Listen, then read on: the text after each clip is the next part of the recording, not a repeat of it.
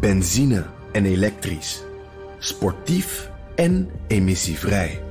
In een Audi plug-in hybride vindt u het allemaal.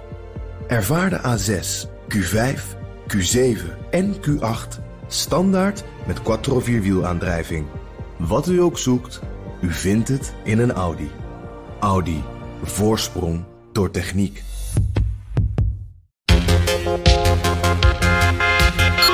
Als je kijkt naar het incident met de Colonial Pipeline in Amerika. Hè? Daar zijn toen een nou ja, nou, het schijnt een non-statelijke, dus een hackerscollectief uit Rusland. Die heeft dat toen overgenomen en die heeft gezegd: Wij zouden graag 4,4 eh, miljoen aan bitcoins van jullie willen. Uiteindelijk hebben ze dat gewoon moeten uitbetalen. En dat is dus gewoon een stuk civiele infrastructuur, wel kritische infrastructuur. Vitale infrastructuur zou ik zelfs willen zeggen. Wat gewoon overgenomen wordt. Nou ja, kijk naar trends op de Noordzee. Een andere trend is dat we gaan richting semi-autonome schepen semi-autonome schepen zitten ook voor een groot deel allemaal online aangesloten met allemaal toegang. Nou ja, kortom, er zijn meer dan genoeg aangrijpingspunten ook daar. Ja, ik zie niet in waarom het hier niet zou kunnen gebeuren.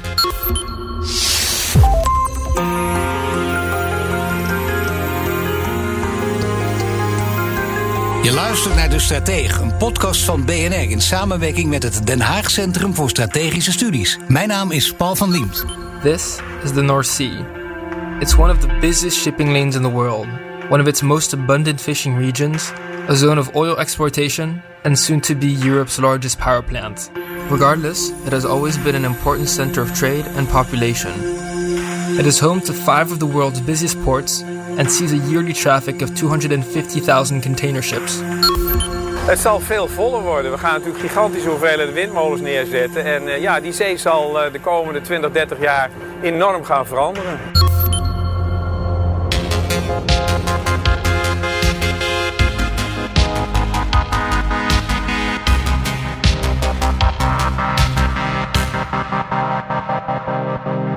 Bij strategische plekken en infrastructuur voor Nederland denk je wellicht aan de Rotterdamse haven, de chipmachinefabriek van ASML of de deltawerken die ons beschermen tegen het water.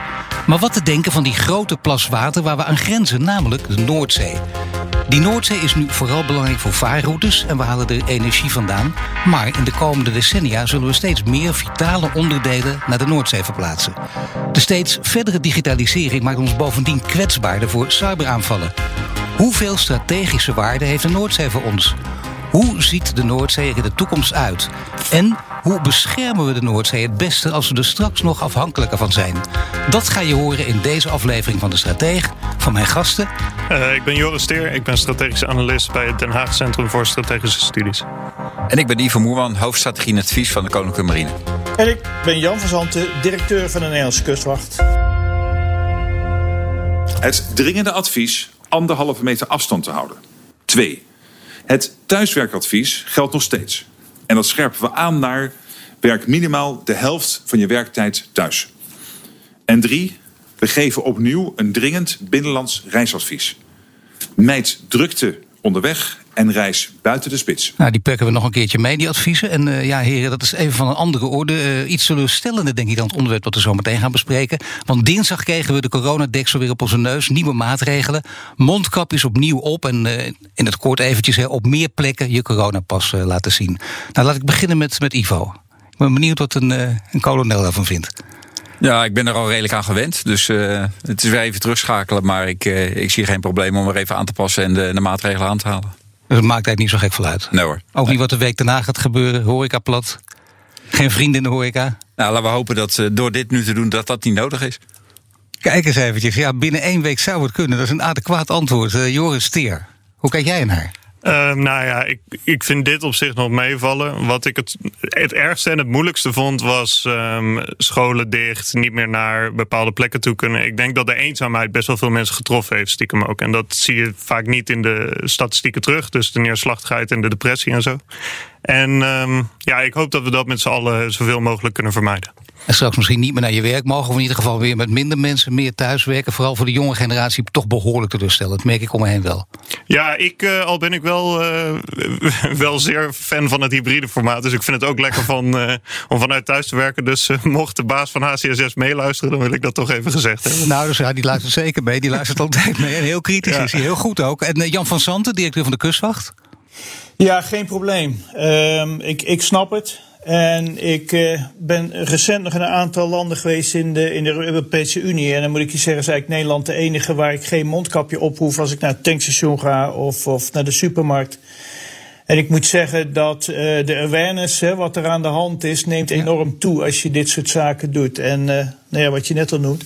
Het is wel te hopen dat het hierbij blijft. Want, want helemaal terug waar we vandaan komen, dat is, uh, dat is voor de jonge mens, maar ook voor de gemiddelde leeftijd en de oudere mensen niet, uh, niet, niet, niet, niet fijn, denk ik. Nee, zeker voor iedereen niet. Uh, jullie hebben wel alle drie gewoon je QR-code die je kan laten zien.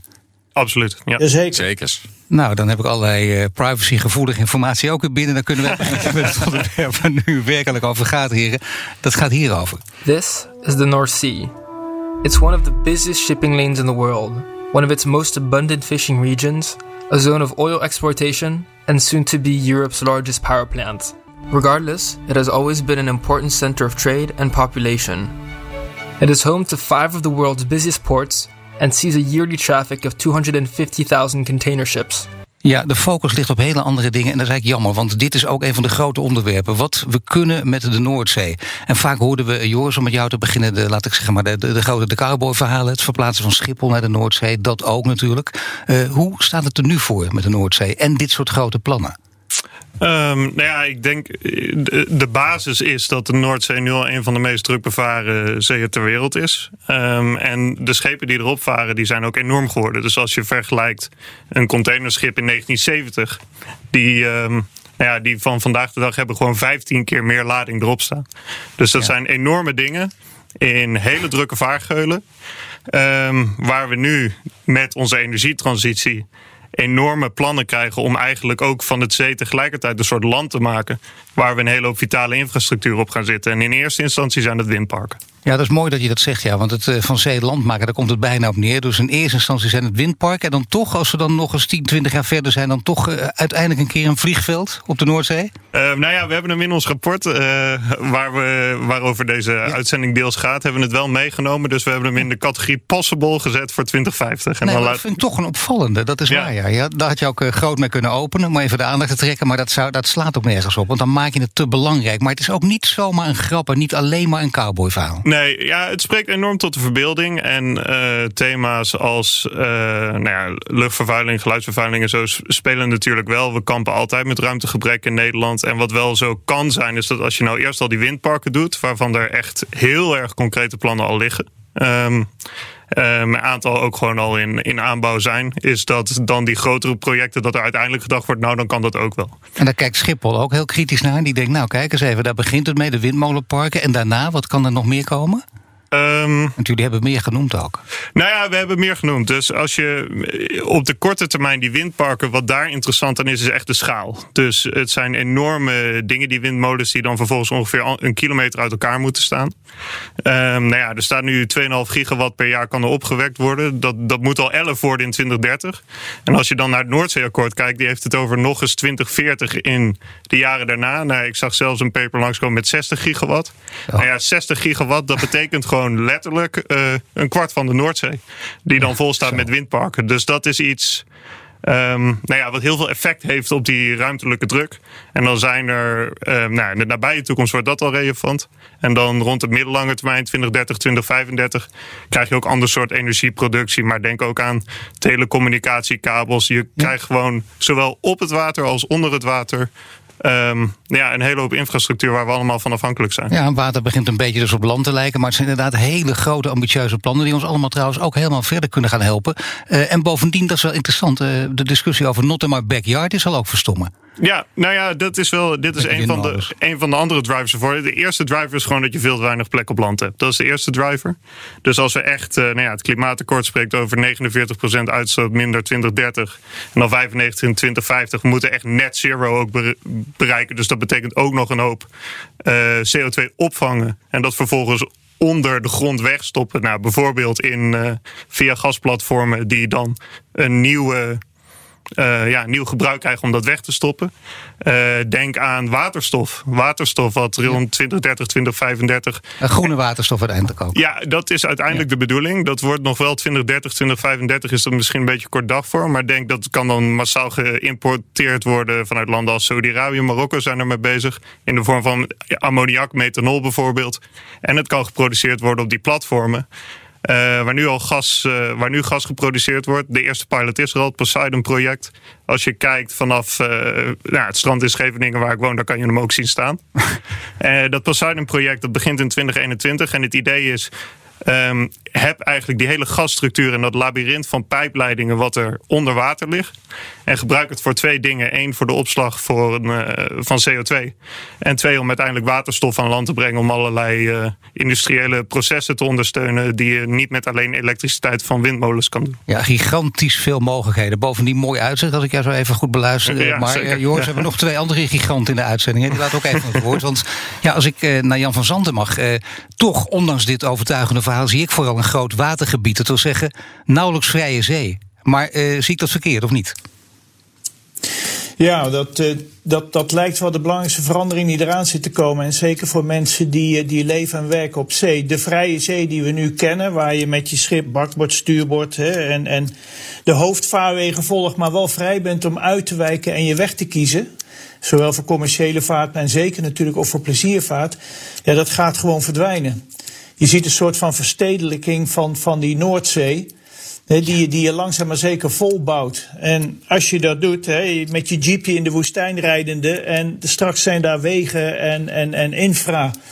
En dat is gewoon een compleet andere mindset. Maar ook voor ons uh, gaat ons werk daar drastisch veranderen. Want de kustwacht, of wellicht andere uh, organisaties, zullen toch een coördinerende en ook communicerende rol moeten gaan spelen. Om natuurlijk zo'n uh, zo'n stad in wording daar veilig te houden.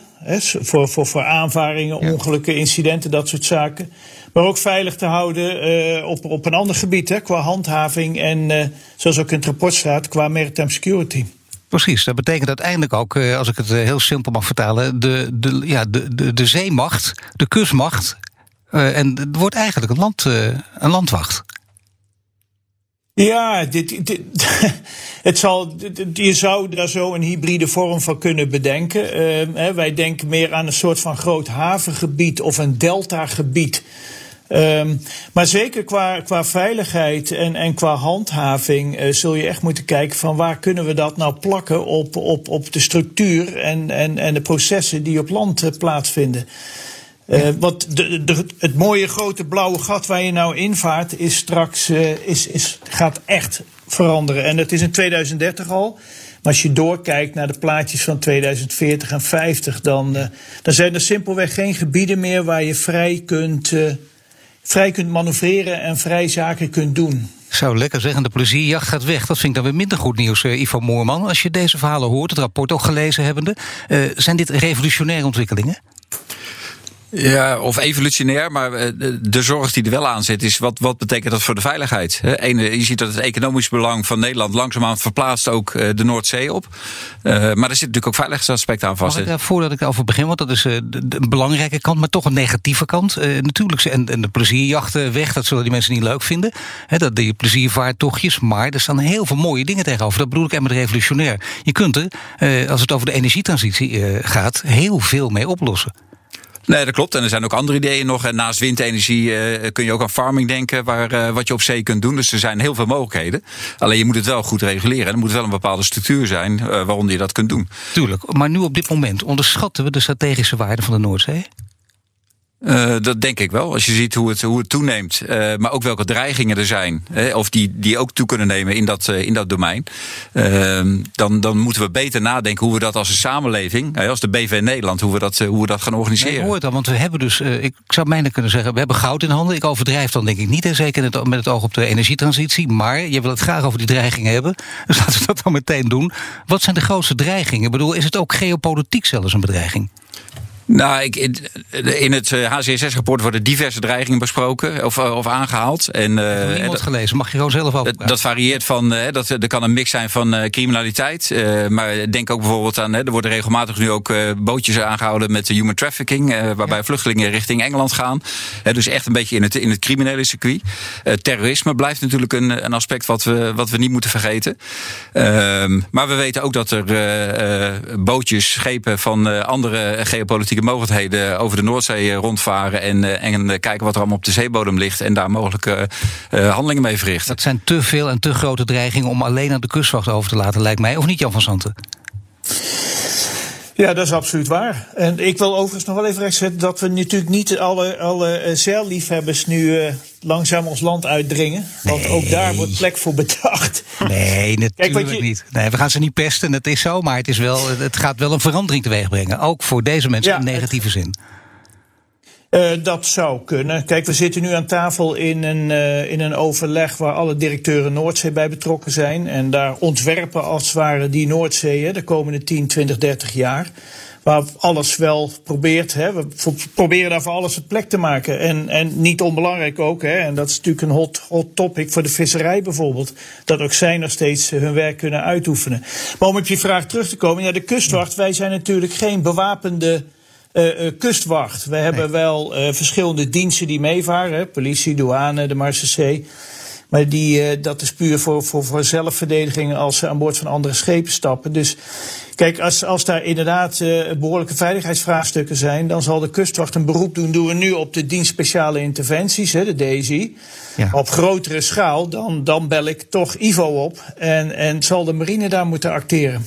Ja, en daar gaat het toch naar uitzien. Hè? Als jullie deze toekomst zo schetsen, ook als je het rapport, wij hebben het gelezen, dan, en je ziet dat, dan, dan zie je dat dit, dit is de toekomst. Dus natuurlijk zal de marine hier nauw bij betrokken moeten gaan worden. Daar kunnen jullie nu al op vooruit spelen, Ivo?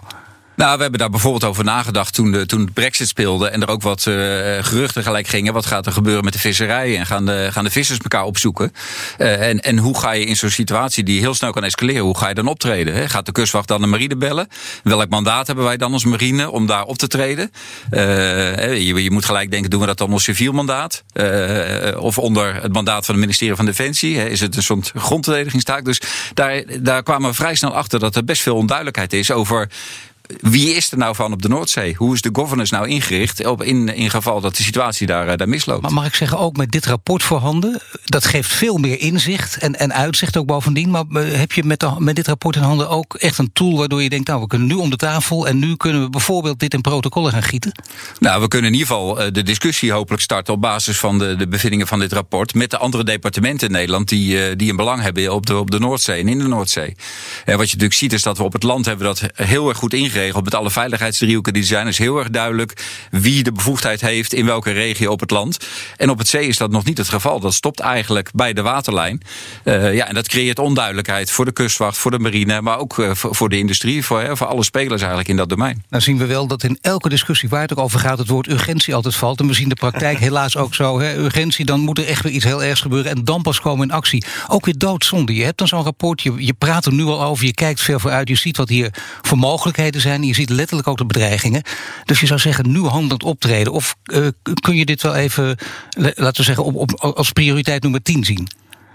Nou, dat is natuurlijk het hele. We hebben, we hebben heel veel prioriteiten in Nederland. En die liggen ongetwijfeld op dit moment. Hè, ook als je kijkt naar eh, in aanloop naar de, de formatie bij eh, de gezondheidszorg, bij onderwijs. Dus het is maar net hè, waar we de nadruk op leggen. sorry, klimaat is nu het verhaal. Dat is het al heel lang. Heel veel mensen wilden dat. Maar nu en de energietransitie, dat is wel echt uh, nummer één. Ik bedoel, daar kun je echt heel veel kanten. En dit speelt daar een grote rol in. Dus je zou zeggen, uh, urgentie is er ook. Zorg dat je nu wel iets kan doen. Maar zover is het nog niet, merk ik.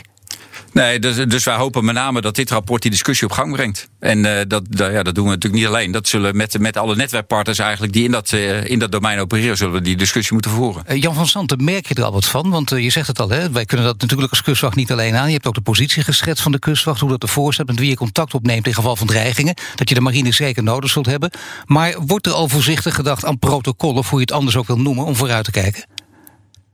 Jazeker. En uh, we hebben natuurlijk ook protocollen hè, voor de dag van vandaag als er zaken gebeuren.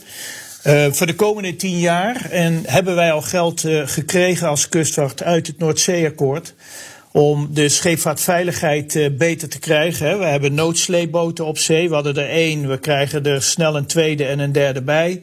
We gaan ook aan actieve verkeersbegeleiding doen. Dus er wordt wel, wel, wel degelijk aan gedacht en op, op voortbeduurd.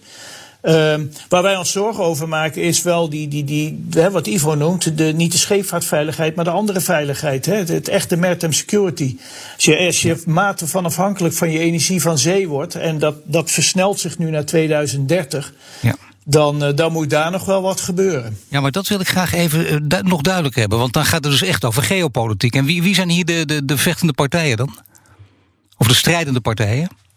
Nou ja, de strijdende partijen. En, de, de, de kustwacht is een netwerkorganisatie. Hè. Wij worden betaald door zes ministeries.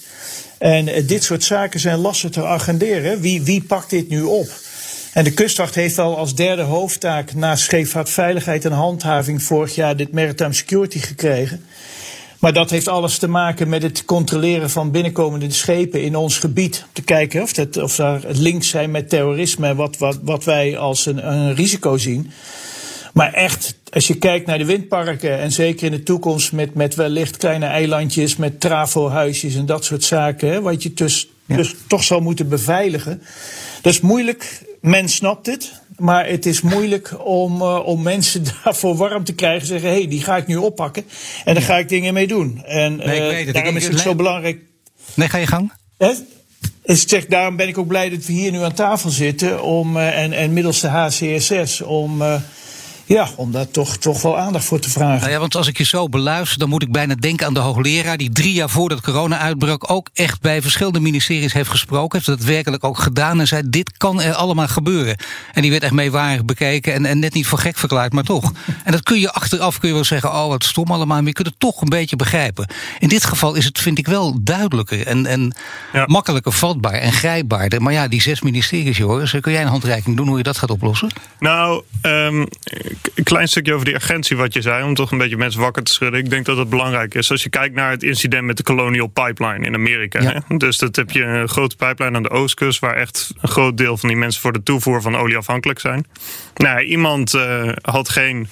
Um, soort van dubbele wachtwoordverificatie. Dat je ook op je telefoon nog een, een nummer moet overnemen en het weer invoeren. Daar zijn toen een nou ja, nou, het schijnt een non-statelijke, dus een hackerscollectief uit Rusland. die heeft dat toen overgenomen en die heeft gezegd: Wij zouden graag 4,4 eh, miljoen aan bitcoins van jullie willen. Of aan een cryptocurrency. Um, uiteindelijk hebben ze dat gewoon moeten uitbetalen. En dat is dus gewoon een stuk civiele infrastructuur, wel kritische infrastructuur. Vitale infrastructuur zou ik zelfs willen zeggen. Wat gewoon overgenomen wordt. Nou ja, kijk je naar trends op de Noordzee. Een andere trend is dat we gaan richting um, semi-autonome uh, schepen. We gaan uh, ook niet semi-autonome schepen zitten ook voor een groot deel allemaal online aangesloten met allemaal toegangen. Nou ja, kortom, er zijn meer dan genoeg aangrijpingspunten ook daar. Uh, platforms, windparken, et cetera, waar dit soort nou, voorvallen ook gewoon prima voor kunnen komen. En als het in Amerika gebeurt, waar uh, de staat en het soort van militaire um, gebeuren nog een stuk meer verweven is met de rest van de economie. Ja, ik zie niet in waarom het hier niet zou kunnen gebeuren. Nee, ik denk dat die Colonial Pipeline een heel goed voorbeeld is, omdat het wel degelijk even indruk maakt. Kijk, het gebeurt in Amerika, het zijn de Russen, zijn we nu wel of niet in oorlog. Het gaat over gijzelsoftware, wat kun je ja. daarmee? Moet je kijken hoe ver je kunt gaan. Nou, en een belangrijk punt hierbij is denk ik ook nog, um, de, tenminste de berichtgeving die ik erover gelezen heb, is dat het dus om een non-statelijke actor ging. Dus kortom, niet, niet echt de, de, de, de overheid of nee. het militaire apparaat zelf. Dus nou ja, stel je voor, er gaat iets mis rond Taiwan, er gaat iets mis rond de oostgrens uh, in, in Europa en er is een reden voor dan wel China, dan wel Rusland om ons af te schrikken. En uh, om ons de pin op de neus te zetten. Nou ja, de, het Amerikaanse Department of Defense waarschuwt in zijn China-rapport al lang als China, als we een conflict hebben, kunnen zij gewoon hier gaspijpleidingen uitzetten. Dat kunnen ze gewoon. Zeker. Want die civiele infrastructuur is dus gewoon kwetsbaar. Nee, ja. Voor de duidelijkheid, het zijn inderdaad waren uh, non-statelijke actoren, althans officieel. Maar we ja. weten nog uit 2019 destijds, hè, Defensie, Bijleveld, ja. een oorlog met de Russen. En dat bleek ook. Kijk, dat soort verhalen komen nu op. Dus ga er maar vanuit dat dit steviger en groter wordt. Ook in dit verhaal, want er is heel veel te winnen, maar ook heel veel te verliezen. Dus inderdaad, denk ik, alle reden voor, voor urgentie. Maar uh, nogmaals, die zes ministeries. Is het denkbaar en, en zelfs wenselijk om daar één centrale regisseur bovenop te zetten?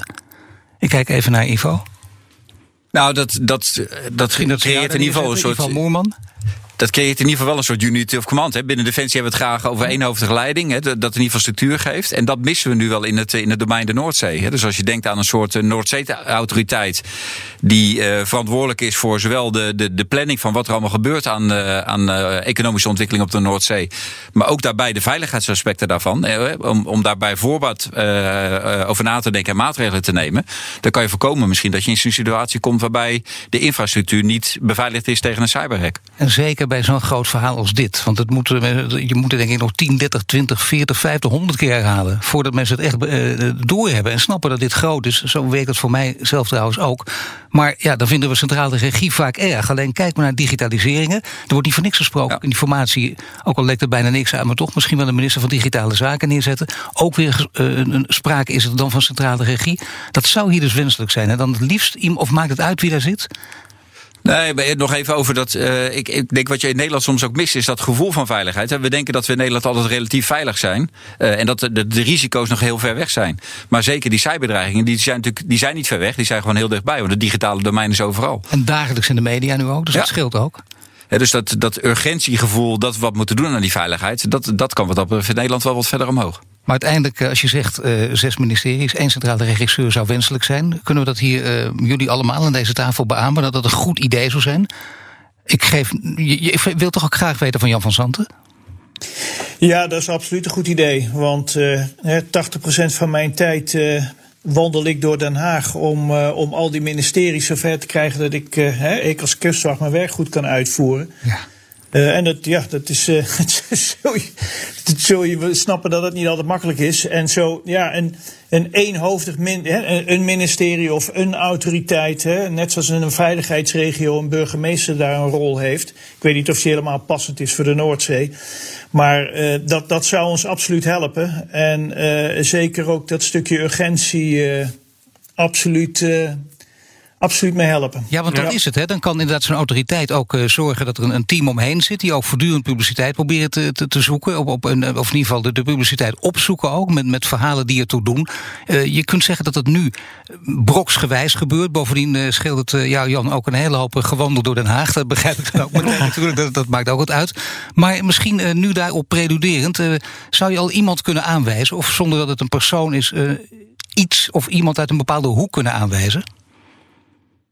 Nou ja, kijk, als je naar infra kijkt en, en uh, uh, dat soort zaken, dan denk je toch het ministerie van INW die daar een rol in zou kunnen spelen. we hebben daar ook Rijkswaterstaat hoor, die, die een grote rol speelt op de Noordzee. Alleen in, met, om de verbinding te maken natuurlijk met veiligheid en beveiliging, ja, dan vind ik het toch wel een lastige. En uh, dat is wel iets waar we echt aan tafel moeten gaan zitten, samen met Defensie, hè, Justitie en Veiligheid, maar ook EZ. Ik, ik, het is lastig, want uh, anders hadden we hem ook in het rapport wel aangegeven natuurlijk. Hè. We hebben wel idee hoe het eruit moet zien. Zeker. Maar dat je, dat je een soort van uh, veiligheidsregio bouwt. Ja. Uh, van die Noordzee, zoals op land. Waarbij je ook in de overleg hè, wat makkelijker aanklikt bij elkaar. Hè, dat we met corona weer gezien. Dat zag je ook met scheepvaart en andere zaken op zee. Dat dat lastig is, want je klikt net niet in bij die overleggen die op land plaatsvinden is één zo'n autoriteit en, en een eenhoofdige minister hè, bij voorkeur, dat ja. zou het uh, absoluut helpen. Minister van Noordzeezaken. Een minister van Noordzeezaken, ja. Nou ja, dat is echt serieus. Want als we, dat lijkt nu ja. nog een beetje raar, maar dat, dat zo vind ik ja. ook altijd. Hè. Nu lachen we nog een beetje over, maar over een paar jaar zullen we misschien denken... moet je kijken wat daar te halen is, wat een geweldig gebied het is... hoe dat in ontwikkeling is. Het past helemaal in alle transities ja. van deze tijd, Joris. Nou ja, en als je kijkt naar wat voor partijen daar, je daar nog meer in moet nemen... als je de, de, de high voltage cables die nu gelegd worden door Tenet... nou, dat is nog staat. Maar de, de parken zelf zijn bijvoorbeeld weer gewoon private bedrijven. Nou, dus je moet private bedrijven ook heel duidelijk minimal cybersecurity security standards opleggen. Om die erin mee te nemen. Als je kijkt naar iets verder in de toekomst en het heel futuristisch maakt. Um, datacenters is iets heel logisch. Ja. Om bijvoorbeeld ook in het water te doen of uh, op zo'n eiland. Microsoft heeft dat al getest in Schotland. En daar hebben ze al een onderwater datacentrum. Zeiden ze, nou, het is hartstikke energiezuinig, betrouwbaar, et cetera. Dus kom, kortom. Um, er komen een hoop commerciële partijen bij kijken. Nou, is er dan in het buitenland iets waar wij naar kijken, waarvan wij zeggen dat is interessant? Absoluut. In, in het VK heb je bijvoorbeeld die, uh, de Center for the Protection of National Infrastructure. Dat is vanuit de overheid gedreven. Dat is ook iets waar de inlichtingendiensten bij aan tafel zitten. En waar gewoon constant geroutineerd, ook met al die private partijen, ja, heel erg gecoördineerd wordt wat de linker en de rechterhand nou eigenlijk aan het doen zijn en waar iedereen behoefte aan heeft. Om op die manier te zorgen dat um, veiligheid, um, nou, omdat Engeland een middelgrote staat is die ook echt wel meespeelt internationaal. Noorwegen heeft dat ook omdat het veel dichter bij Rusland ligt. Dus gewoon een geroutineerde structuur waarin constant die mensen elkaar tegenkomen, elkaar ook gaan bellen als er problemen zijn. Um, ja, dus dat je eigenlijk naar zo'n soort model toe zou kunnen gaan. Ja, dat snap ik ook. Maar dat model, daar moet denk ik wel, omdat het zo ingewikkeld als wat is, nu aan gewerkt worden. Bovendien heb je als grote ja. voordeel dat je wat te bieden hebt. Je kunt zeggen, er is niet zomaar iets wat op het spel staat. We hebben echt iets heel groots wat past in deze transitie. Ja. Zou je daar nu, kun je daar nu aan werken? bedoel, wat, wat zou de, de, de rol van de marine daarin kunnen zijn in de ontwikkeling van dat model, Ivo? Nou, in ieder geval door erbij aan tafel te zitten en, en mee te praten, mee te denken. Uh, maar ik denk niet dat uh, we vanuit Defensie hiervoor in de lead zijn. Uiteindelijk uh, gaat het met name om, om nationale veiligheid. En dan kijk je toch met name naar een andere, andere departementen die net ook al genoemd zijn. JNV vooral, denk ik. Uiteindelijk gaat het ook om bevoegdheid. je moet de, de bevoegdheid hebben om handelen te kunnen optreden. En dan is ook nog eens onderscheid tussen de territoriale wateren, waar we bepaalde bevoegdheid hebben. Maar op in de, de economische zone hebben we in principe geen bevoegdheid. En geldt gewoon uh, de, de, de, de, recht van de zee. Zeker. Dus daar hebben we weer aan andere wet en regelgeving te houden. Ja, tenzij je iets kan doen aan wet en regelgeving. Uh, hier lopen nogal wat wet en regelgevingen door elkaar. Maar uh, we weten ook sinds corona, en niet alleen sinds corona, dat er behoorlijk wat te doen is en ook op korte termijn wat aan te doen valt. Is dat ook denkbaar of niet? Of wenselijk zelfs? Ja, maar dat zal zich dan wel vooral focussen op die territoriale water. Want uh, in, de, in de open zee gaan we die wetgeving niet aanpassen. Dat is gewoon uh, het, uh, nogmaals het recht van de zee wat daar geldt. En die, die zal niet op korte termijn veranderen. Uiteindelijk, als ik goed naar Joris ook luister, en dat, dat, heeft Jan ook een beetje gezegd, je moet steeds contact ook met elkaar hebben. Dat betekent zorgen wie moet wie bellen. En we zien heel vaak, let maar eens op, bij alle grote zaken die misgaan, en waar bijvoorbeeld een heel groot onderzoek over plaatsvindt, uiteindelijk, als puntje bij paaltje komt, gaat het mis, is het misgegaan ooit bij de communicatie. Dat betekent verschillende partijen die allemaal misschien wel hetzelfde bedoelen, maar een heel andere taal spreken. En uiteindelijk blijkt dan, oh, hadden we dat maar van elkaar geweten. Daar zou je van kunnen leren nu. Ja, nou, en zeker op basis van de scenario's die in het HCSS-rapport geschetst worden, zou je natuurlijk ook die scenario's met de verschillende departementen kunnen doorlopen. Om te kijken van, nou, wie, wie heeft hier nu een verantwoordelijkheid? Wie heeft hier een rol?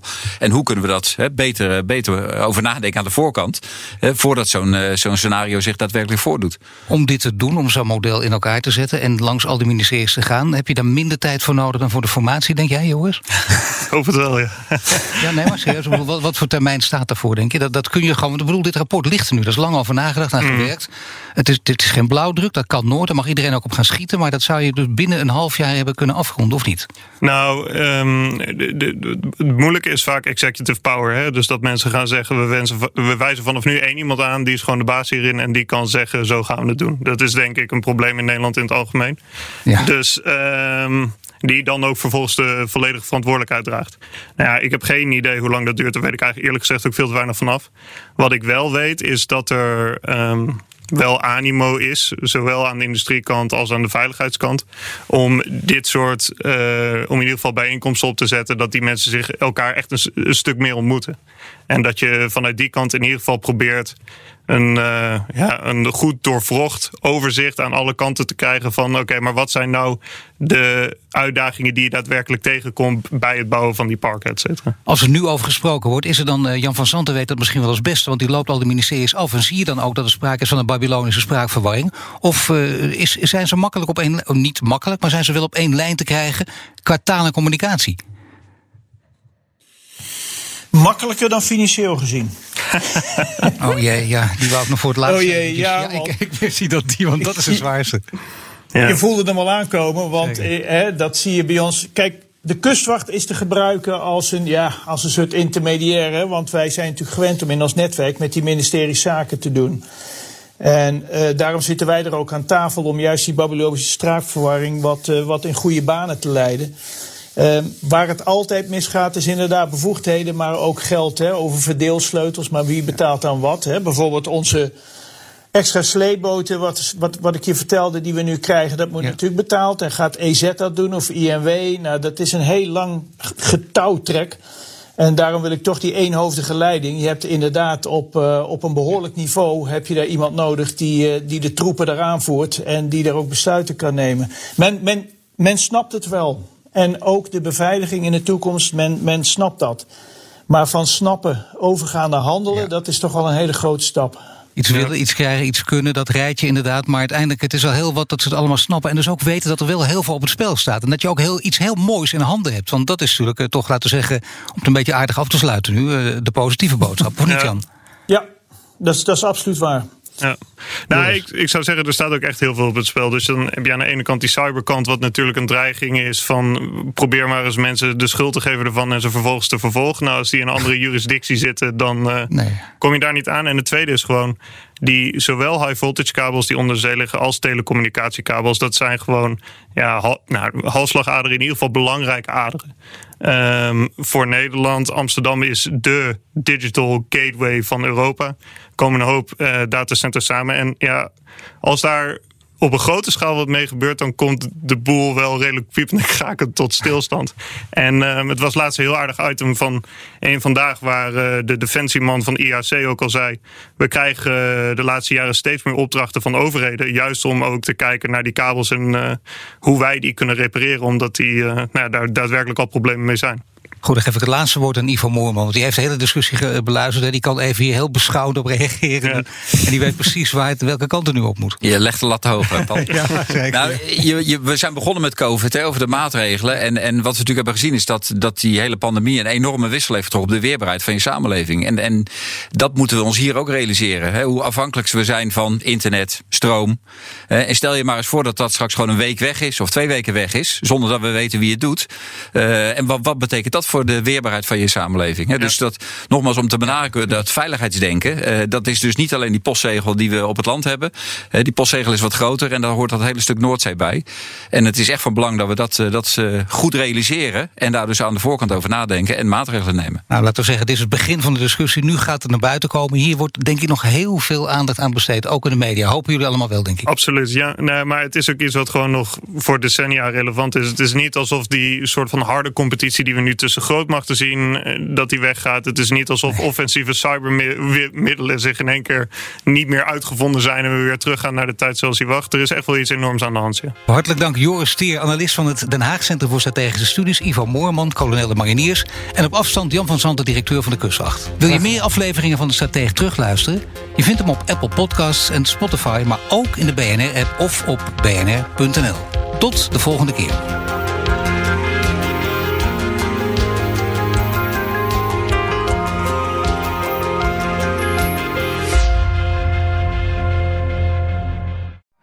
Benzine en elektrisch.